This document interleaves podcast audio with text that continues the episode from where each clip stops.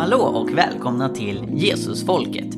Mitt namn är Mikael Grenholm. Mitt namn är Sara Grenholm. Sara, kul att du är här. Eh, idag ska vi prata om... Mikael, jag bor här. Jo, jag vet, men alltså att, att du är med i Jesusfolket. Ja, tack. Ja. eh, idag ska vi prata om något eh, väldigt viktigt som, som du tog upp och liksom, Mikael, det här måste vi prata om i Jesusfolket. Rasister som låtsas vara kristna. Japp. Och som använder sin pseudokristendom för att sparka på muslimer. Varför kom du på att vi skulle prata om det här? Strax efter jul så, så blev det ganska mycket skriverier, både i tidningar och på sociala medier och sådär, eh, om en dokumentär som SVT släppte om deras julvärd 2015, Gina Dirawi. Eh, och om hennes upplevelser som, som eh, muslimsk julvärd. Eh, som ja, bara, bara är där och eh, är en julvärd precis som alla andra julvärdar. Men får utstå så sjukt mycket hat och hot. Eh, och hon berättar också, jag tror att det var någon intervju. ehm, där hon berättar om ehm, ja, men att, att det var just just det man attackerar var att hon är inte kristen. Man kan inte ha någon som inte är kristen som sitter och är julvärd och man måste ha en kristen och det är en kristen högtid och en kristen tradition och så sitter hon där och är muslim och är inte kristen. Ehm, och det fick mig att tänka på, på det här med hur kristendomen har gått från att vara slagpåse eh, och fortfarande är det skulle jag säga egentligen.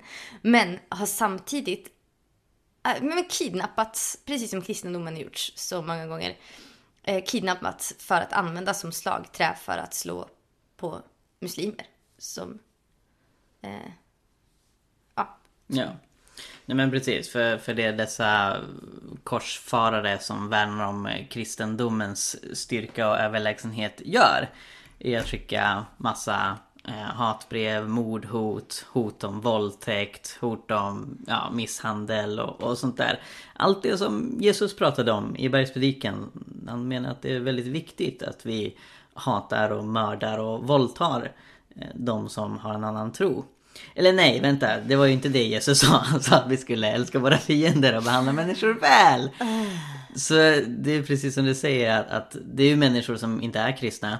Som inte har brytt sig om att de flesta julvärdar förmodligen inte har varit särskilt djupt troende kristna. Det är kanske några men exakt. som SVT sa, vi har ju ingen koll på vad folk tror på. Vi frågar bara om de vill sitta och presentera Kalle Anka. Eh, och ja, Sverige består framförallt av ateister och new ageare. Eh, mängden kristna i Sverige, alltså eh, bibliskt kristna enligt den, den bibliska definitionen, tror på Jesus som Herre och tror att han har uppstått, är väldigt få. Vi är ungefär mellan 10 och 15 procent. Eh, och, och det man inte brytt sig om. Så kristendomen används bara som skenmanöver för att kunna hata muslimer. Eh, vilket ju är väldigt vanligt att folk gör i vårt samhälle idag. Verkligen. Eh, men jag tycker att det är så intressant för det känns som att eh, de här personerna som då plötsligt identifierar sig med kristendomen. Eller så här, jag tror att om man frågar dem, tror du på Gud? Så tror jag att jättemånga skulle svara nej. Av de här, ehm, ja, som beter sig på det här sättet. Men jag tror att kristen har blivit en identitet för dem. Eh, och varför? Ja, alltså... Det jag märker, och jag har ju stött på det här långt innan den här dokumentären kom. Ehm, men det är som att folk tänker sig att kristendomen är en majoritet. Sverige är ett kristet land. Vi har en kristen majoritet här och den majoriteten ska försvaras mot minoriteter såsom muslimer. Så då så utmålar man den muslimska minoriteten som ett hot och vi ska bevara vårt kors på flaggan och vi ska bevara Sverige som kristen nation. Trots att Sverige inte är en kristen nation. Alltså Sverige har en sekulär stat och en befolkning som eh, till största del inte tror på Gud. Eh, tidningen Dagen gjorde ju en gallupundersökning för flera år sedan. Där de frågade medlemmar i Svenska kyrkan om de tror på Jesus. Och 85% sa nej.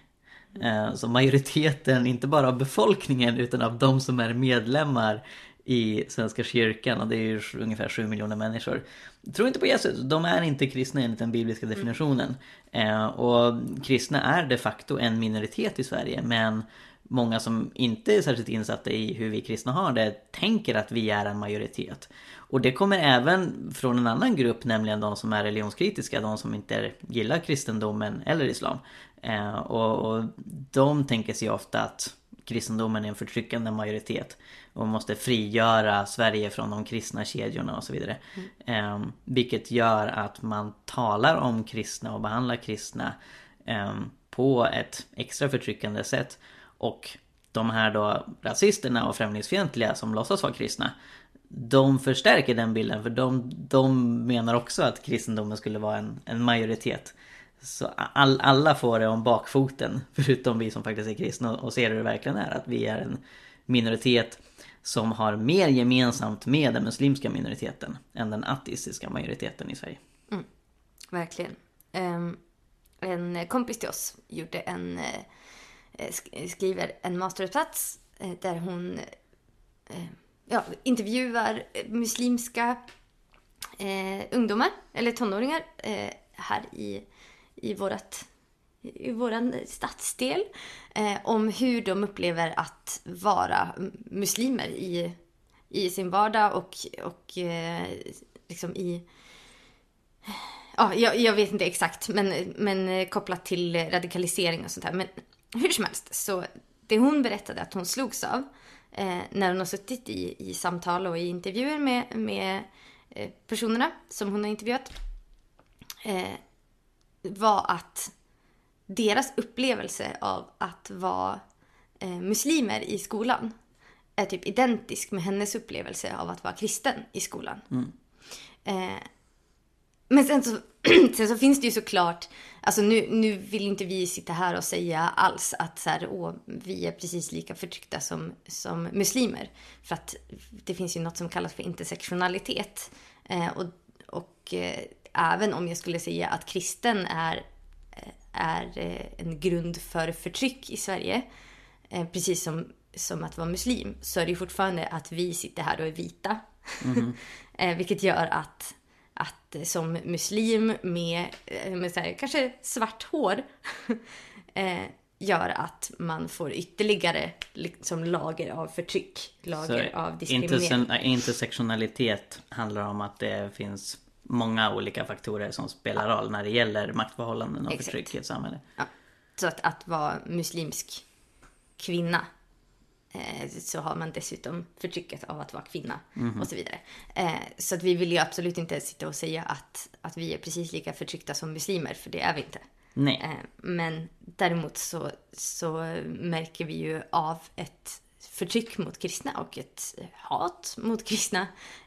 Även om det kanske inte är i samma eh, nivå som den som riktas mot muslimer. Ja, och jag har upplevt att många muslimer har sträckt ut händer till oss. Alltså när vi är ute och evangeliserar på gatan mm. och öppnar med att vi är kristna. Eh, för att de märker av ah, vad skönt andra som tror på Gud mm, i det här exakt. samhället. An andra som förstår mig. Mm. Eh, så många gånger så eh, är ju liksom ja, den spontana reaktionen där. Att ja men ni, ni, ni förstår oss. Exakt. För jag tror att, att både som, som kristen och muslim så har vi en gemensam erfarenhet av att finnas i ett samhälle och ständigt vara, vara missförstådd. Ja. Eh, och det som händer när den här eh, rasistiska rörelsen tar till sig identiteten som kristen och ger sig själva tolkningsföreträde mm. eh, till vad det innebär att vara kristen. Jo, att vara kristen det innebär att jag har rätt att förtrycka andra religioner som är mindre än min egen. Mm. Eh, det, det är att jag blir ännu mer missförstådd mm. som kristen. Mm. Eh, som, som verklig kristen. eh, att så här, ja, men det, det, skapar bara ännu mer fördomar eh, kring vad det är att vara kristen och skapar ännu mer missförstånd kring vad, vad jag står för och vad jag tror på och vad jag... Eh, ja, liksom vad, vad som är mina ambitioner i världen som är långt mycket närmare eh, en muslimsk världsbild och en muslimsk, eller en muslims tankar om, om, och upplevelser av hur det är att existera i Sverige än det är en sekulär svensk. Mm. Det kom en eh, studie från eh, Linnéuniversitetet för inte särskilt länge sedan.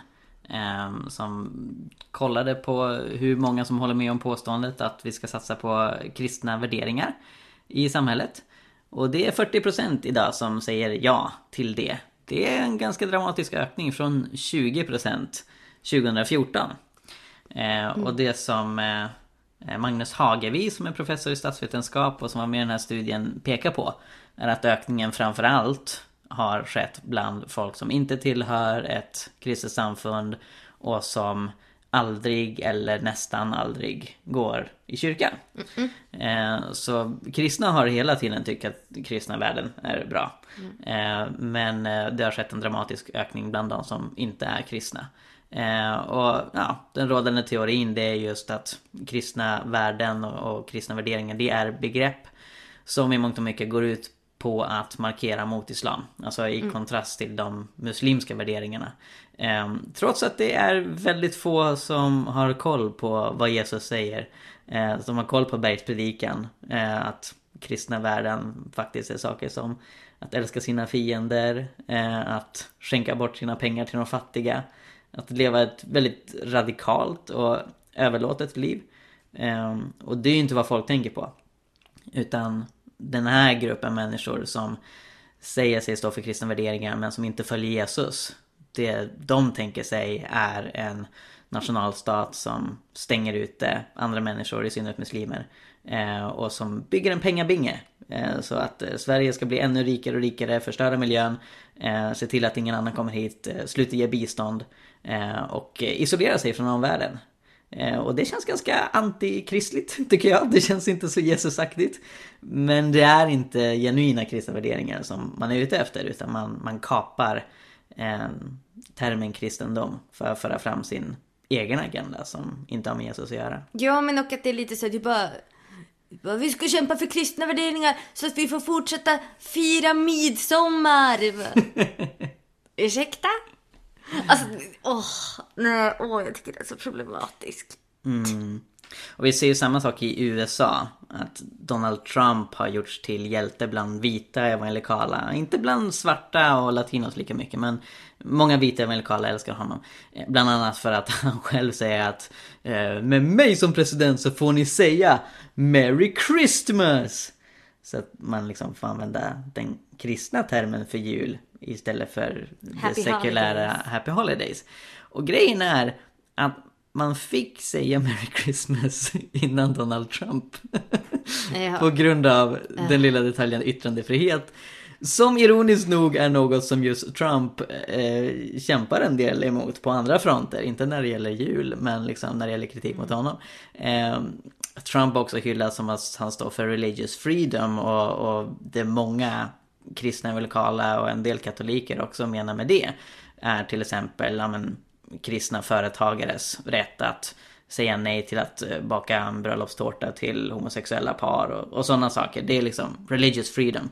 Men det ironiska är ju att det Trump har beslutat bland annat är ju att förbjuda människor från en lista muslimska länder att komma in i USA. Eh, och då liksom baserat på en religion så säger han nej till en typ av frihet. Eh, så när det gäller religiös frihet, religionsfrihet för muslimer är inte Trump en bra president. Men då när man pratar om religionsfrihet i amerikansk kontext eller bland kristna så menar de just kristnas frihet. Och, och den här längtan efter att ja, vi ska ha en ledare som eh, som främjar kristendomen i kontrast till allt annat. Som liksom avskaffar religionsfriheten för allt annat utom kristendomen. Det är ju den gamla drömmen om en Konstantin, drömmen om en kristen diktator. Som med hård knytnäve och med våld ska främja evangeliet och se till att alla andra religioner dukar undan. Återigen, det är inte Jesu väg. Det är inte det Jesus pratar om. Jesus vill att människor ska följa honom frivilligt. Inte att vi ska upprätthålla auktoritära stater som tvingar människor att kalla sig kristna. Ja, men och att det är ju precis motsatsen till det till den väg som Jesus gick. Ja. Eh, att, så här, att Jesus under, alltså under sin tjänst här på jorden verkligen så här, folk bara ville tvinga in honom i politisk makt. Ja. Eh, och ville säga typ, ah, men nu gör vi honom till kung, kom igen! Eh, medan Jesus med, med verkligen näbbar och klor gör allt för att hålla sig borta från vad all världslig politisk makt heter. Eh, och går en helt annan väg. Eh, och ja, Nej, men men jag tycker att det är så, så intressant det här att de nästan kan hitta på vilka privilegier som helst och sätta en kristen stämpel på det. Att de, att de liksom hittar på privilegier som jag som kristen aldrig upplever. Precis, för när vi uttalar oss som kristna då blir vi ständigt missförstådda. Ja, exakt. Då fattar folk inte vad vi pratar om. Och att de liksom badar i de här påhittade privilegierna men aldrig, på grund av att de inte lever ut sin tro, om de ens har någon tro, på grund av att de inte följer Jesus, så upplever de heller aldrig det förtryck som det faktiskt innebär att vara kristen i det väldigt sekulära samhälle som vi lever i. Eh, och att de, men, ja, de tar sig tolkningsföreträde i hur det är att vara kristen, hur det är att leva som kristen och vilken plats man som kristen har i samhället. Och det är en, en plats med makt i deras ögon. Precis, precis. Medan i De ser mina kristendomen ögon- som, som något, ett maktmedel. Ja, medan, medan i mina ögon så är det ju snarare, jag menar, för några år sedan när det kom fram att någon i regeringen, eller var det i riksdagen, eh, var med i Livets Ord. Och det blev Ja, det var regeringen. I regeringen. Ja.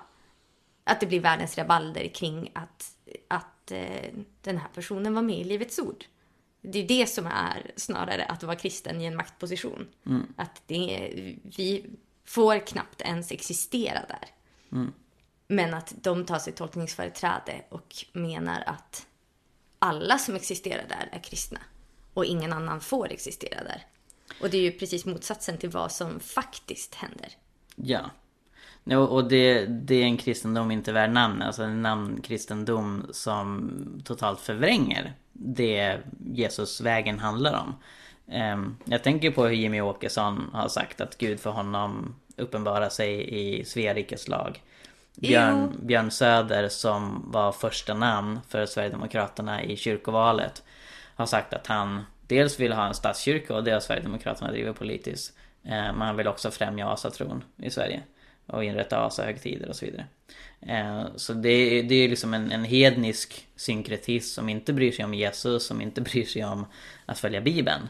eh, Utan för att använda det här verktyget för att främja sina egna intressen. Ja, för att främja vit makt. Ja. I grund och botten. Ja, nej men precis, precis. Och det är det som är så också irriterande när jag ser bibeltroende evangelikala kristna som går på det. som tycker, ja men Jimmy Åkesson är ju så bra för han säger ju att han, han vill främ, främja kristendomen.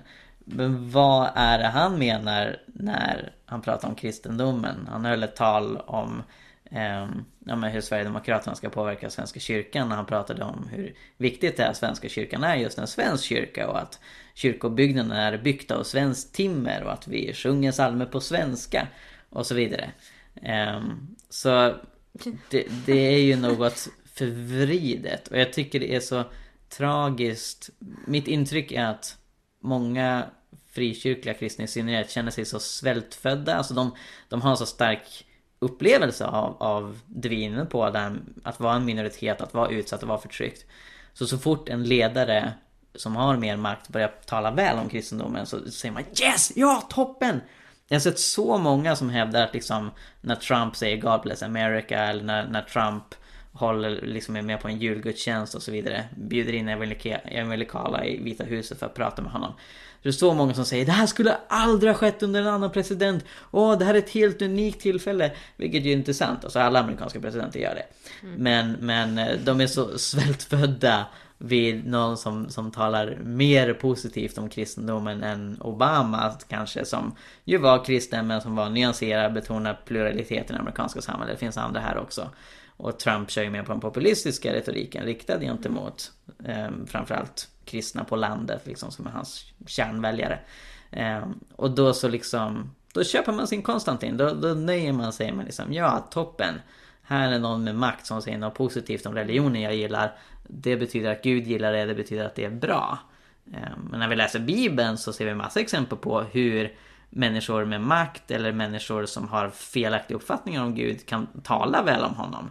Men så säger Jesus, jag känner er inte. Mm. Alltså det Jesus eftersträvar är inte massa människor som har kepsar med hans namn på. Utan han vill ha lärjungar och han konfronterar sina lärjungar. Vill ni verkligen följa mig eller vill, vill ni gå härifrån? Mm. Så Jesus är ute efter hängivna lärjungar. Inte folk som bara kallar sig kristna. Ja men exakt. Och, och Jesus pratar ju också om, så här, om att av frukten känner man trädet. Mm. Att så här, du kan inte stå och säga att du är kristen ena stunden. Men andra stunden inte stå upp för, för din nästas rätt till en trygg ett tryggt liv. Mm. Eh, och du kan inte, du kan inte stå, att du, stå och säga att du är kristen ena stunden och andra stunden eh, men, ja, vara rasist helt enkelt. Mm. Det, det, det, är liksom oförenligt. Mm. Och, och jag tänker också att, att där, alltså, där ser vi ju frukten redan på, på grenarna redan innan den har blivit ja. fullmogen. Ja. Eh, att vi ser redan frukten av det här trädet som kallar sig kristet men som uppenbarligen inte bär kristen frukt. Utan som bär en helt annan typ av frukt. Och då spelar det ingen roll vad de säger sig tillhöra för religion. Eh, utan, utan det de utövar är ju bara eh, ja, de, de älskar sin egen hudfärg. Ja, men alltså, och det är det som gör att det ibland känns som att jag lever i en satir, alltså en parodi på verkligheten. För det är så otroligt uppenbart att den rasistiska rörelsen är full med skit. Mm. Men att Donald Trump eh, säger rakt ut, grab them by the pussy. Han, han kallar andra länder med mörk befolkning för skithål. Eh, han säger att man ska bomba eh, kvinnor och barn i Syrien. Eh, och eh, man, han säger så fruktansvärda saker. Han säger rakt ut på kamera liksom att han aldrig har bett Gud om förlåtelse. Och allt detta är öppen dager. Och det är så tydligt som du säger, han bär dålig frukt. Det är en dålig ledare som har okristna värderingar och helt vidriga värderingar. Och när jag påpekar det så säger folk, ja men det är bara för att du tar in massa vänsterliberal media. Men det är ju Trump själv som säger det. Alltså vad, vad är det för värld jag lever i? När inte ens liksom primärkällan gäller. Och, och, samma sak med den rasistiska rörelsen i, i Sverige. Sverigedemokraterna grundades av nynazister. Alltså det, det, det är fakta att de har haft i princip samma principprogram ända fram till 2011.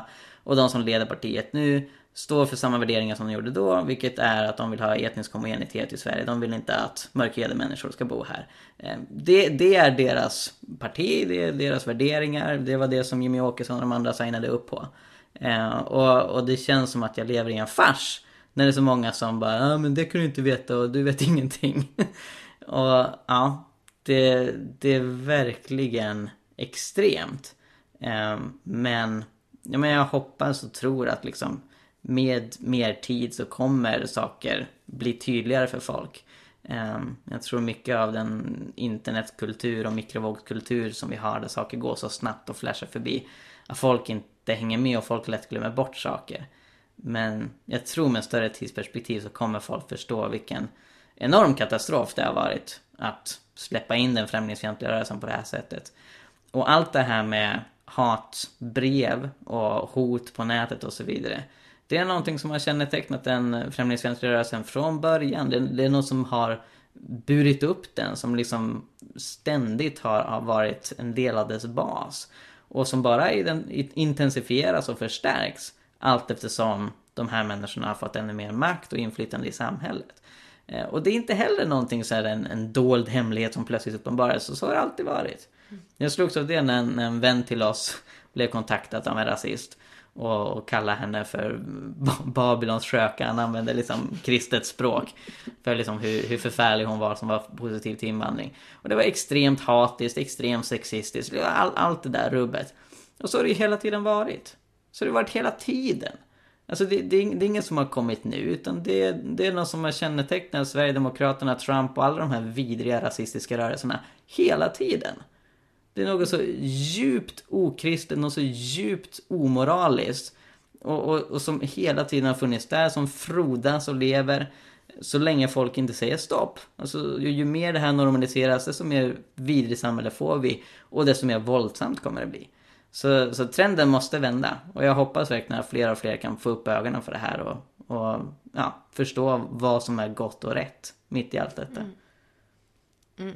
Men verkligen. Men jag, jag tänker också, eh, kan, jag kan inte låta bli att ta upp Kristdemokraterna i det här. Mm, ja. För att deras utveckling de senaste åren, det här har vi pratat om tidigare i podden, Mm. eh, har gått från att eh, ja men ja, he, helt och hållet utvecklas till ett helt annat parti än de var för tio år sedan. Ja. Eh, där de för några år sedan bara sa att så här, "Nej, aldrig i livet, vi kommer aldrig att, att ge lillfingret åt SD. Ja, precis. Eh, men idag så bara, ja, vi kan tänka oss ett samarbete. Mm. I Eh. migrations och klimatfrågor har Ebba Busch Thor sagt specifikt. Migrationsfrågor. Mm. Alltså ni Exakt. ser inte det här nu men jag gör en grimas. Nej men alltså jag tycker bara att det är så, så djupt vidrigt. Ja. eh, hur, hur den utvecklingen har gått och, och att eh, jag tror att i och med det så får ju också den här namnkristendomen luft under vingarna. Ja. Eh, för att om Kristdemokraterna har gått igenom den förändringen och idag kan tänka sig att jobba med SD i migrationsfrågor eh, så ger ju det eh, så ger ju det den här rörelsen eh, att kristendomen är helt och hållet förenligt med rasism och främlingsfientlighet. Eh, och att eh, kasta ut människor som har flytt från krig tillbaka till länderna där det är krig. Eh, och det, det är ju precis... ja. Det är ju precis det som kristendomen inte handlar om. Alltså jag, jag, önskar, jag önskar att det fanns någon slags, någon slags patenträtt på ordet kristen eller krist. Eh, eller liknande. Så man kunde så här, ni står inte för det här längre, ni har inte rätt att använda det här brandet. Och ta bort krist från Kristdemokraterna. Och att det inte är okej. Eller så här att, att Ja, det är är olagligt så här- på något sätt att kalla sig kristen om man inte är det. Man behöver inte patentförklara det eller göra det olagligt utan det räcker med att alltså, de hundratusentals som är kristna faktiskt reser sig upp och säger nej. Och det är vi alltför dåliga på i Sverige. Att vi, vi organiserar oss för lite och, och kräver för lite. Och blir överkörda och, och medlemmar i våra församlingar, konvertiter från Afghanistan utvisas till Afghanistan där de mördas. Och, och vi står och säger ja det är tråkigt. Men liksom så här, vi, vi måste kräva mycket mer.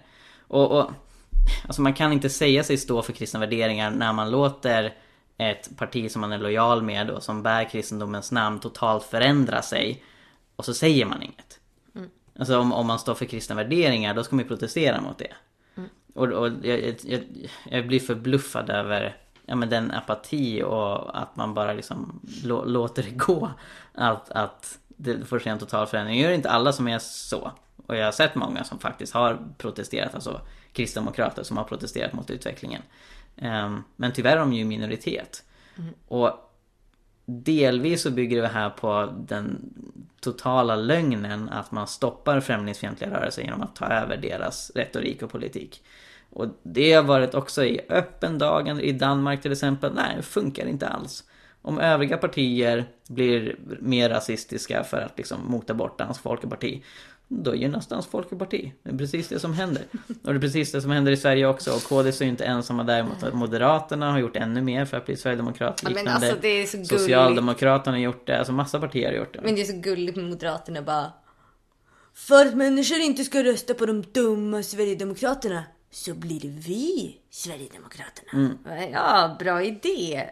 Nej, men alltså verkligen, det, det är så otroligt dum idé från första början att, att bli monstret som man vill undvika. Att, att, det, att det är helt obegripligt. Det finns saker som folk har hittat i Sverigedemokraterna som inte har funnits i andra partier. Så som, for starters, ideologi. Eller liksom en framtidsvision. Det är extremt många partier som har varit så otroligt pragmatiska, som vänt kappan efter vinden. Och jag har ju sagt länge, vi har saker att lära oss Sverigedemokraterna i att ha en vision, kämpa för den i motvind och medvind. Sen är deras vision rutten. Men alltså där, där finns det liksom ja, men en glöd som har saknats. Inte bara från andra partier och organisationer utan även från många kyrkor. Um, så, så, och, och, det är det som folk letar efter. Joel Halldorf har varit inne på det här flera gånger. Liksom det som saknas i det liberala samhället när man har skurit bort religionen, skurit bort folkrörelserna. Vad är det folk längtar efter? De, de vill ha gemenskap, de vill ha liksom en framtid. Ehm, de, de vill känna liksom en, en mening med sin tillvaro. Ehm, och de hittar inte så mycket annat än bland rasister. Vilket är extremt tragiskt. Men, men lösningen är inte att resten blir rasister. Det, det, är så... Åh, det är så uppenbart fel. Och som du var inne på tidigare Sara om vad som är kristet och, och icke-kristet i den här frågan. Eh, jag har gått igenom alla verser i Bibeln som handlar om migration och flyktingskap. Och jag kan rakt och tydligt säga som pastor eh, att det finns få andra etiska hållningar i Bibeln som är så kolossalt tydliga som hur vi ska behandla invandrare. Vi ska välkomna, välsigna och älska dem. Det är Bibelns budskap genom både Gamla och Nya Testamentet. Eh, fin, finns ingen kompromiss där, fin, finns inga, inga frågetecken, finns ingen, men vad, vad om det här händer då? Vi ska välkomna, välsigna och hjälpa och älska dem som oss själva, behandla dem som vi vill bli behandlade. Mm. Det är Bibelns budskap. Och att så många kompromisser med det är så extremt tragiskt. Mm. Jag hoppas verkligen att det går över. Och att vi kan vända den här trenden som pågår nu. Mm. Nej, men, och jag tror också att, att om vi kristna faktiskt skulle lära känna muslimer så tror jag att så mycket av, det här, av den här lockelsen till Sverigedemokraterna skulle försvinna. Eh, för att vi skulle förstå att vi har så mycket mer gemensamt. Eh, så mycket mer gemensamt med dem än vi har med en sekulär svensk. Ja. Um. Och jag tror också att om vi lär känna Jesus och evangeliet mer mm. Så kommer vi förstå vilken smörja som den främlingsfientliga rörelsen har. För jag har ju pekat på länge att det finns en motsättning mellan evangelisation och främlingsfientlighet. Alltså det man eftersträvar i den islamofobiska rörelsen och främlingsfientliga det är ju inte att muslimer ska bli kristna och komma till tro på Jesus och fortsätta bo här och evangelisera. Mm. Man vill ju bli av med dem. Man vill, man vill ju skicka iväg dem. Alltså det, det är ju anti-evangelisation, det är anti-mission. Här har Gud sänt massa människor som kan få lära känna Jesus. Och det man vill göra är att sparka ut dem till krig och förföljelse. Så det är anti-evangeliserande. Och som, som evangelist, som en person som vill att alla människor, muslimer, ateister, new age allihopa ska lära känna Jesus. Så kan jag inte också vara främlingsfientlig och argumentera för att människor ska utvisas till krig och förföljelse. Mm. Därför att det vore i strid mot evangeliet. Det är i strid mot den kärlek som Gud har placerat i mig för att leda människor till tro. Mm. Så både utifrån liksom vår medmänskliga kärlek men också vår tro till evangeliet. Eh, så kan vi inte ställa upp på den främlingsfientliga rörelsen. Mm. De senaste åren eh, och egentligen längre bak än så, utan kanske sen 11 september 2001. Eh, så har muslimer i media utmålats som väldigt hotfulla, farliga och som om alla går omkring med en sprängladdning innanför jackan och mm. när som helst så smäller det. Eh, och det är ju inte riktigt sant. Men... Nej, minst sagt. ja, eh, men du har ju upptäckt någonting, Mikael, om hur, hur man plötsligt eh, från, i kontrast då till den här imperialistiskt förtryckande kristendomen eh, som, som eh, man vill behandla den som i vissa frågor. Mm. Eh, så har man i andra frågor försökt utmåla kristendomen som den, som den otroligt snälla, snälla kontrasten till det farliga, hotfulla islam. Ja. Nej men verkligen, alltså den främlingsfientliga och invandringsfientliga rörelsen är ju inte särskilt icke-våldslig. Den är ju väldigt krigisk, hårdhänt, våldsam, vill att människor ska utvisas till länder där det pågår mycket våld och så vidare. Ehm, och det kännetecknar även den kristna främlingsfientliga rörelsen. Som, kristna som eh, gillar SD eller KDs nya inriktning med liksom knappt någon invandring alls, att mängder med människor ska utvisas. Ehm, de, de tycker ju att en sån typ av våld som arresterar och utvisar människor till våldsamma länder är något bra. Ehm, så de tror inte på icke-våld egentligen. Men det jag har märkt att många när de försöker förklara hur hemskt islam är och det är därför alla muslimer ska utvisas till förföljelse och krig. Ehm, så gör de stora kontraster mellan islam och vår religion, kristendomen. Och det är då oberoende om de själva är kristna eller om de då tror på kristna värderingar utan den kristna guden. Som vi har pratat om. Eh, kristna värderingar inom citationstecken. Ja, exakt, exakt. Och, och, och, det man ofta då lyfter fram är saker från bergspredikan. Att Jesus säger älska era fiender, vänd andra kinden till. Då passar det att lyfta fram eh, att kristendomen är icke-våldslig. Vilket den är i sin kärna.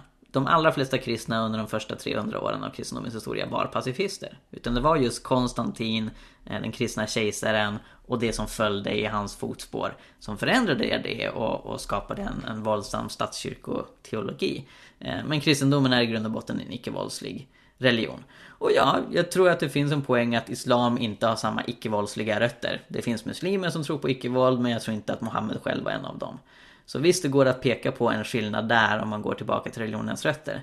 Men det är sånt extremt hyckleri när dessa främlingsfientliga normalt inte ens tror på icke-våld. De, de, tycker inte att man ska älska sina fiender.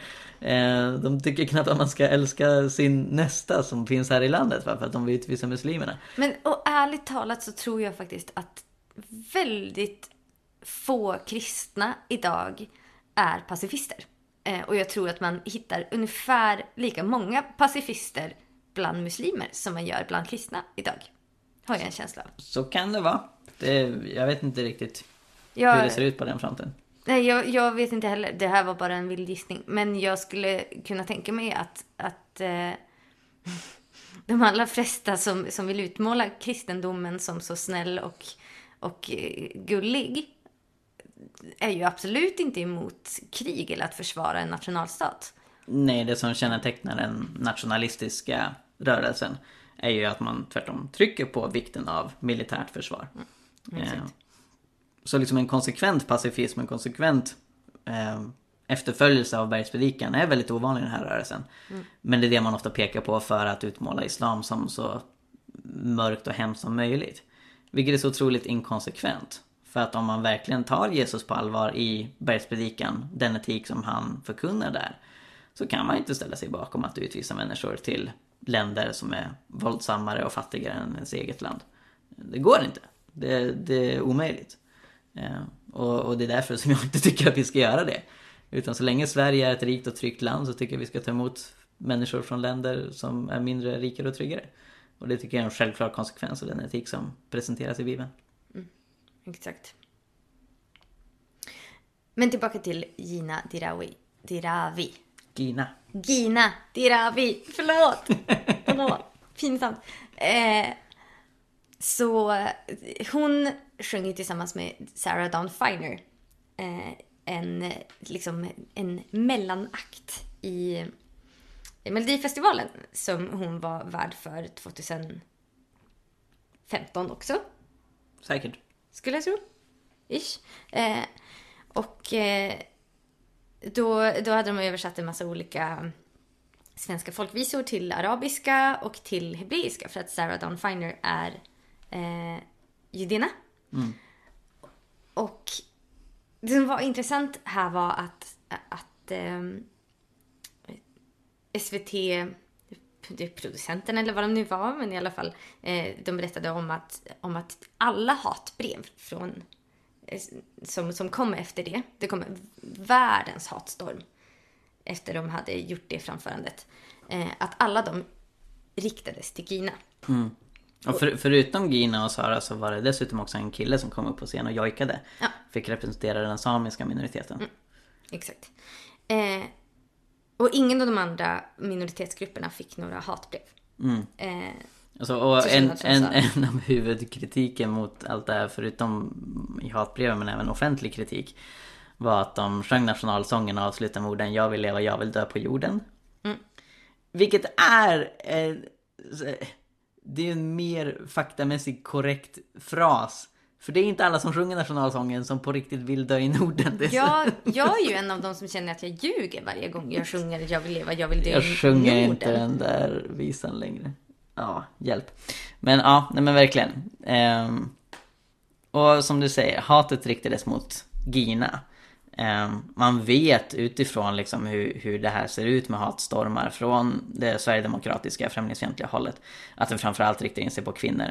Och att hatet är väldigt sexuellt. Alltså det är ofta väldigt eh, explicita beskrivningar på exakt hur man ska våldtas och så vidare. Ehm, så utifrån intersektionaliteten som du pratade om tidigare så kvinnor drabbas hårdare av det här. Ehm, men Sarah är också kvinna. Och drabbades inte alls särskilt mycket. Och är också representant för en minoritet i Sverige. Men Precis. drabbades inte alls av det här. Och vi funderade lite på så här, om, om det är just att vi har en sån tydlig bild av vad en muslimsk kvinna ska göra, hur hon ska vara, vad hon inte får göra och framförallt att hon ska vara eh, tyst, tillbakadragen och eh, förtryckt. Eh, och när, när då Gina kliver utanför den rollen och är på en plats där hon inte förväntas vara med sitt fantastiska självförtroende. Eh, och jag blir så här, när jag såg den här dokumentären, jag, jag, vill bara, jag vill bli hennes vän. För hon verkar så sjukt härlig. Men hur som helst, när hon, när hon står där med sitt fantastiska självförtroende och gör saker som hon inte förväntas göra alls. Eh, och kliver utanför den, den box som vi har skapat åt henne eh, så upplevs det som extremt provocerande. På grund av att hon är kvinna, på grund av att hon är muslim. Eh, medan Sarah Dawn Finer, jag tror inte att vi har samma typ av etablerad nidbild av judinnor idag. Nej, alltså judar är ju också utsatta i vårt samhälle. Absolut, absolut. Men jag tror inte att vi har exakt, alltså jag tror inte att vi har samma starka, eh, starka ramar kring vad en judisk kvinna får och inte får göra. Precis. Och det är inte alla som vet att Sarah Dawn Finer är judinna. Det är svårare att se med blotta ögat att någon är jude. nej men och att det är inte någonting som... eh, Alltså, jag tror att om man tittar på dem som, som eh, skapade den här hatstormen, tror jag att... eh, Och, och också om man bara tittar på Sverigedemokraterna och deras retorik så är det ju mot muslimer det riktas. Eh, och inte mot... Framförallt. Mot, eh, inte framförallt mot eh, judar och judiska grupper. Det är ditåt Nej, men också. precis. Men Men, det- det, är, men det är det är en ännu från- mindre klick av rasister som också är nazister. Ja, alltså grejen är att, att eh, Sverigedemokraterna är ju i grunden ett nazistiskt parti. Det grundades av nazister som givetvis var antisemiter. Eh, och, och det kan man säga, men forna partiledare som har pratat om judiska parasiter och så vidare. Och det har funnits i, i riksdagens riksdagsledamöter, en kille som heter Lång i efternamn som har sagt eh, grovt antisemitiska saker i, i riksdagen och så vidare. Eh, så, så det har ju funnits där, det är ju inget som de driver aktivt eh, ovanifrån för att antisemitism eh, har ett större stigma och ett större tabu i Sverige än vad islamofobi är. Utan de har ju byggt upp på islamofobin. Eh, och det är de väldigt tydliga med och, och det går bättre i offentligheten.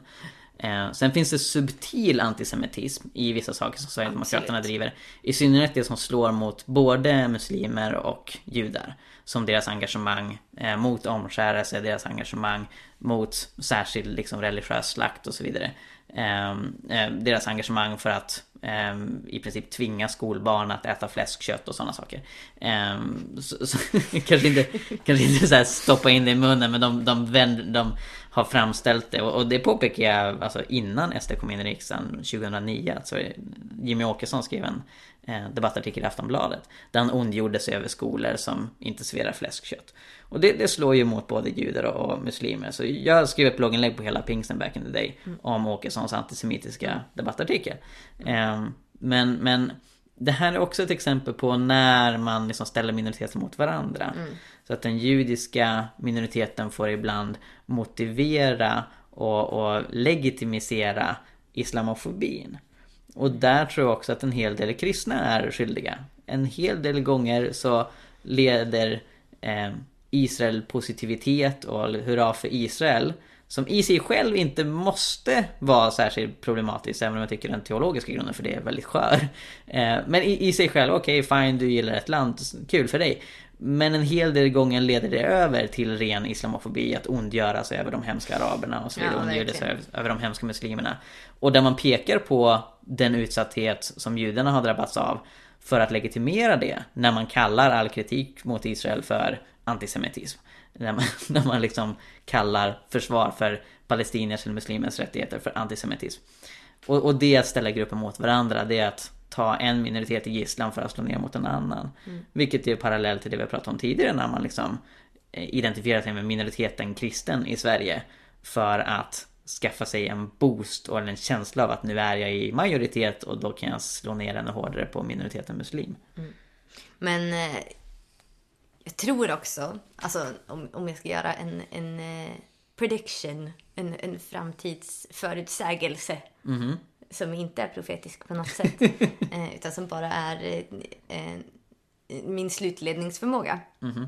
För några år sedan, exempelvis 2015, eh, då, då Gina var julvärd, så var det fortfarande ja, till ganska stor del om man jämför med idag, ganska tabu med, islam, med islamofobi. Eh, inte, alltså värre än det var 2010 exempelvis. Mm. Men, men fortfarande inte lika extremt som det är idag. Ja, eh, idag är det ju normaliserat. Det är helt okej att uttala sig nästan mm. hur som helst om muslimer. Mm. Eh, och om jag får fundera lite på vad som kommer hända i framtiden så skulle jag kunna tänka mig också att vi kommer att röra oss i en riktning där antisemitism eh, liksom följer samma eh, avtabuiserande. Ja, ja definitivt. Eh, där... ja, och, det, och det händer redan. Ja. Man kan bara gå in på Flashback som är ett av Sveriges största internetforum. Eh, nazister härjar fritt där, helt fritt. Flashback har en sån här yttrandefrihetspolicy att vi ska inte censurera någon.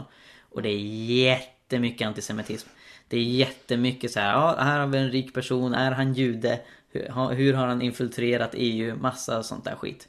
Eh, så, så det växer. Och, och det är hippt bland många unga. Det är många unga som hakar på både det islamofobiska och antisemitiska spåret. För att det är det som är coolt och edgy liksom. Mm, ja men precis. Eh, och ty tyvärr så tror jag att det kommer bli bara värre och värre och jag tror också tyvärr så kommer man nog använda kristendomen mer och mer som slagträ i det här. Mm. Eh, men vad kan vi göra? Ja, nej, men min förhoppning är ändå att eh, jag, jag, jag har ändå förhoppningen att folk kan få lite större perspektiv.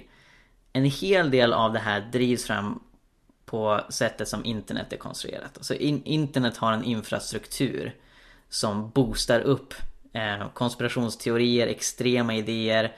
Eh, det som är färgstarkt, det som är kontroversiellt, det är det som får mest utrymme. Mm. Det är därför som plattjords konspirationsteorierna dykt upp. Mm. Den var ju nästan helt utdöd. Eh, men, men har, har dykt upp igen va? på grund av internet. Eh, och jag, jag, jag, tror ju att både idéer och eh, materiella förutsättningar kan påverka historien. Eh, så en, en sån sak som jag faktiskt tror kan förändra läget Det är om det sker förändringar och det är redan på gång i hur till exempel internet funkar Där medier som verkligen har haft en väldigt tuff period när de inte vet hur de ska anpassa sig efter det medielandskapet Kommer bli bättre på att få ut ja men, kvalitetsinformation och kvalitetsjournalistik Att man får längre perspektiv på saker och ting istället för att allt ska vara så kort, kort, kort Eh, Och jag hoppas att det kan göra att folk kommer till sans, att, att de ser saker ur, ur ett längre perspektiv. Eh, sen tror jag också på att ja, men, världens hopp är Guds församling. Att det, Gud kan göra underverk genom församlingen. Att Gud verkligen kan mobilisera oss för att få till en annan mm. kultur. Att, att tiden verkligen är redo för väckelse i Sverige. Eh, och en sann Jesusväckelse som verkligen mm. följer honom radikalt. Eh, återigen, det, det vi ska lära oss från Eh, den främlingsfientliga rörelsen. Det är att ett, människors eh, värderingar och åsikter är väldigt föränderliga. Och två, att om man står fast och tydligt i både medvind och motvind för en övertygelse så kan man få stort genomslag. Även om det till en början känns som att det här är svårt att, att Eh, hur, hur ska vi lyckas med det här? Mm. Alltså tänk att vara sverigedemokrat i början av 2000-talet. Det var ju extremt svårt.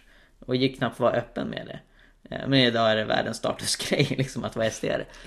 Eh, så, så, nej men så, så vi ska inte tro att, att status quo är det enda som gäller. Kolla bara på liksom hur alla politiska partier har förändrat sig, hur medierna har förändrat sig. Alltså vi, vi lever i en sån rörlig kultur. Och det är hemskt när det leder till förändringar som slår ner mot de svagaste. Men det innebär att vi kan förändra läget.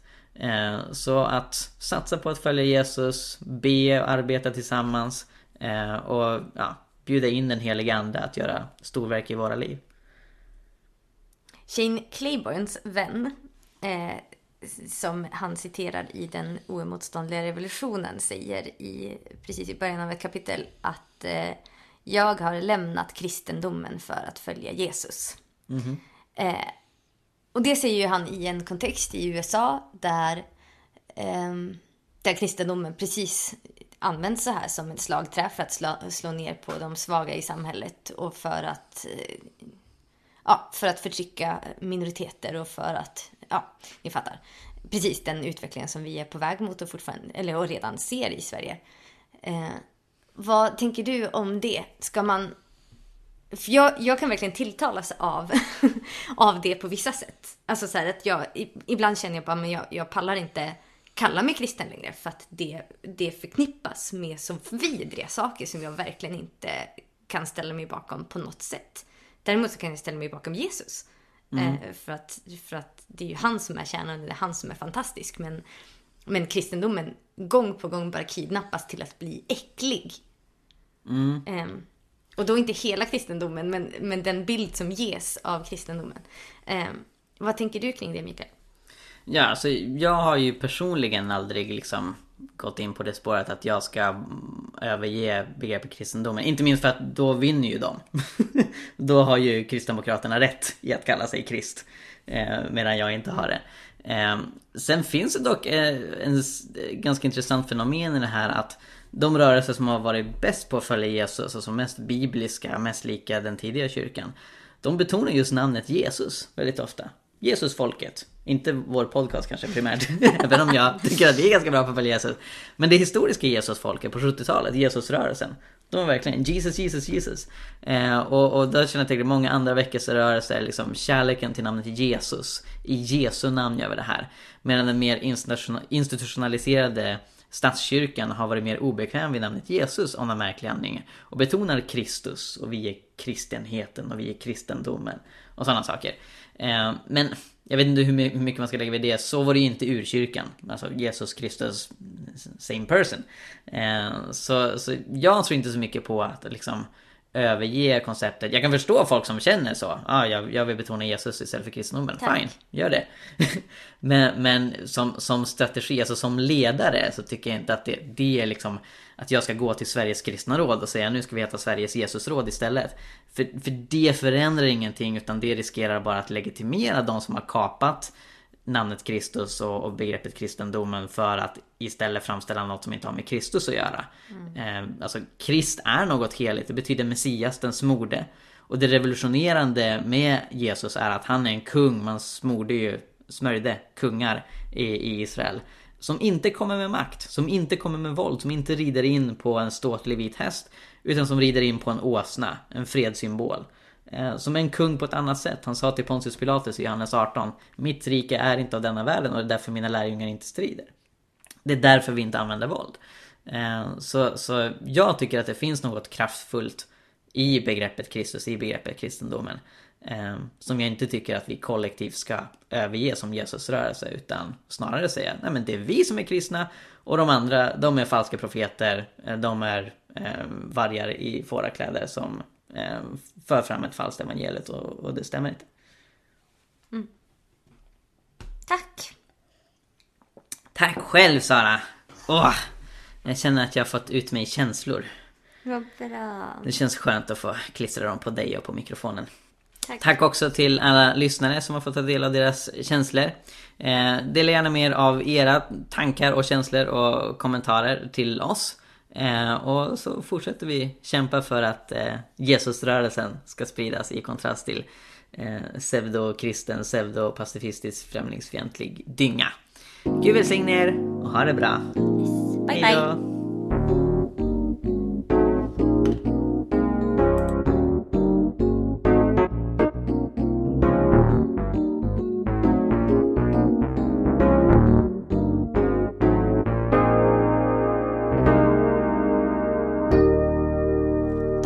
Att du lyssnar på Jesusfolket.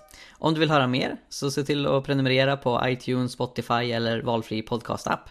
Du kan också lämna en recension, vilket är en eh, liten grej att göra som hjälper oss väldigt, väldigt mycket, så det uppskattar vi verkligen. Eh, du kan också läsa vår blogg, Hela Pingsten. Vi har mängder med artiklar där om andens gåvor, evangelisation, fred, rättvisa och allt möjligt annat som har med lärjungaskap att göra, så kolla in det. Och vi finns på sociala medier, du kan följa både Jesusfolket och hela pingsten på till exempel Facebook. Tack så mycket, Gud välsigne dig och eh, fortsätt vara en del av Jesusfolket.